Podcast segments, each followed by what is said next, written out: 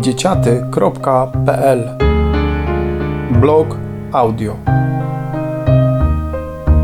Czyta autor. Tylko i aż tyle.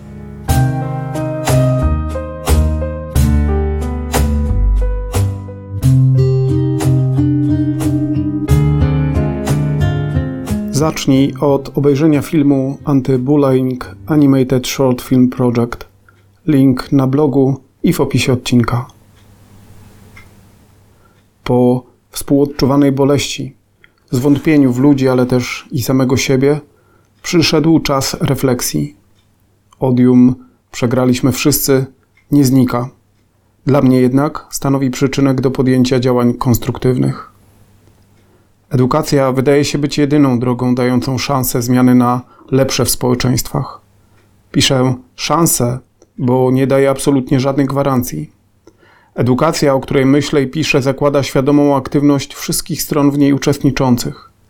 Edukacja taka, podobnie jak demokracja, zawierająca w sobie narzędzia do jej destrukcji, wystawia siebie nie tylko pod pręgierz oceny i ryzyko demontażu, marginalizacji, wyrugowania Przede wszystkim staje w opozycji do dominujących narracji, uwodzących, jeśli nie blichtrem haseł, to siłą. Stąd kasus szkoły polskiej i jej właściciela, narzucającego nie tylko kaganiec cenzury, ale też oddający znaczącą część swej żywej tkanki we władanie haseł i deklaracji, rozpiętych na mobiusowej wstędze, która w przestrzeni trójwymiarowej ma w istocie tylko jedną stronę powierzchnię która staje się jej ciałem, ubogim, pustym, ale dumnym. Myślę o edukacji źródeł rzeczywistych, a nie dogmatycznych pedagogik źródeł, opartej o dorobek pokoleń tych, na których barkach stoimy dzisiaj, uczeni historią gatunku, która pozwala uchwycić ten przewodni motyw umożliwiający nasze istnienie, zgody, harmonii, współdziałania – tego wszystkiego, co zaszyte w platońskiej koncepcji dobra. Bo tylko konsensus i dążenie do jego utrzymania, umiejętność dochodzenia do zgody pozwoliły nam samym na zaistnienie. Ja, dorosły, ja, rodzic, ja, nauczyciel.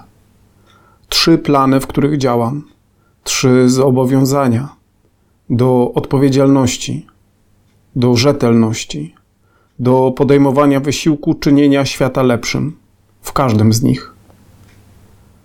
Mahatma Gandhi powiedział: Bądź zmianą, którą pragniesz ujrzeć w świecie.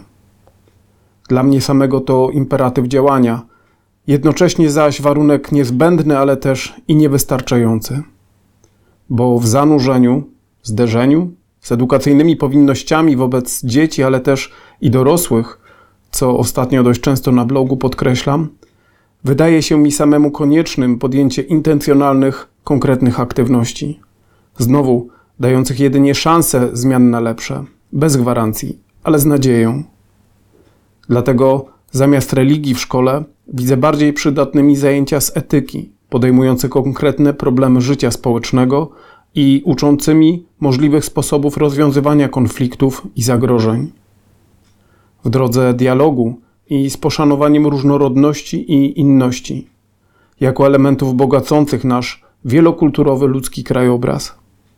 Podobnie jak i na godzinach wychowawczych prowadzonych przez mądrych nauczycieli. Zastanów się, a co, jeśli nie wystarcza być dobrym? Inspirację może znaleźć i tutaj. Sprawca wychowawca, link pierwszy, sprawca wychowawca, link drugi. Wszystko dostępne na blogu i w opisie odcinka. Materiały te, podobnie jak i prezentowany film, powstały w 2016 roku. Na usta ciśnie mi się niezamierzona wymowność, czasowa zbieżność z historią tzw. Tak dobrych zmian w naszym kraju, przejawiających się m.in. odchodzeniem od edukacji prospołecznej i proobywatelskiej na rzecz wąskich ram stygmatyzacji religijnej i patriotycznej. I jakże strasznym przyczynkiem do ujawnionej boleśnie konieczności powrotu do edukacji otwartej na dialog, i różnorodność. Tylko i aż tyle.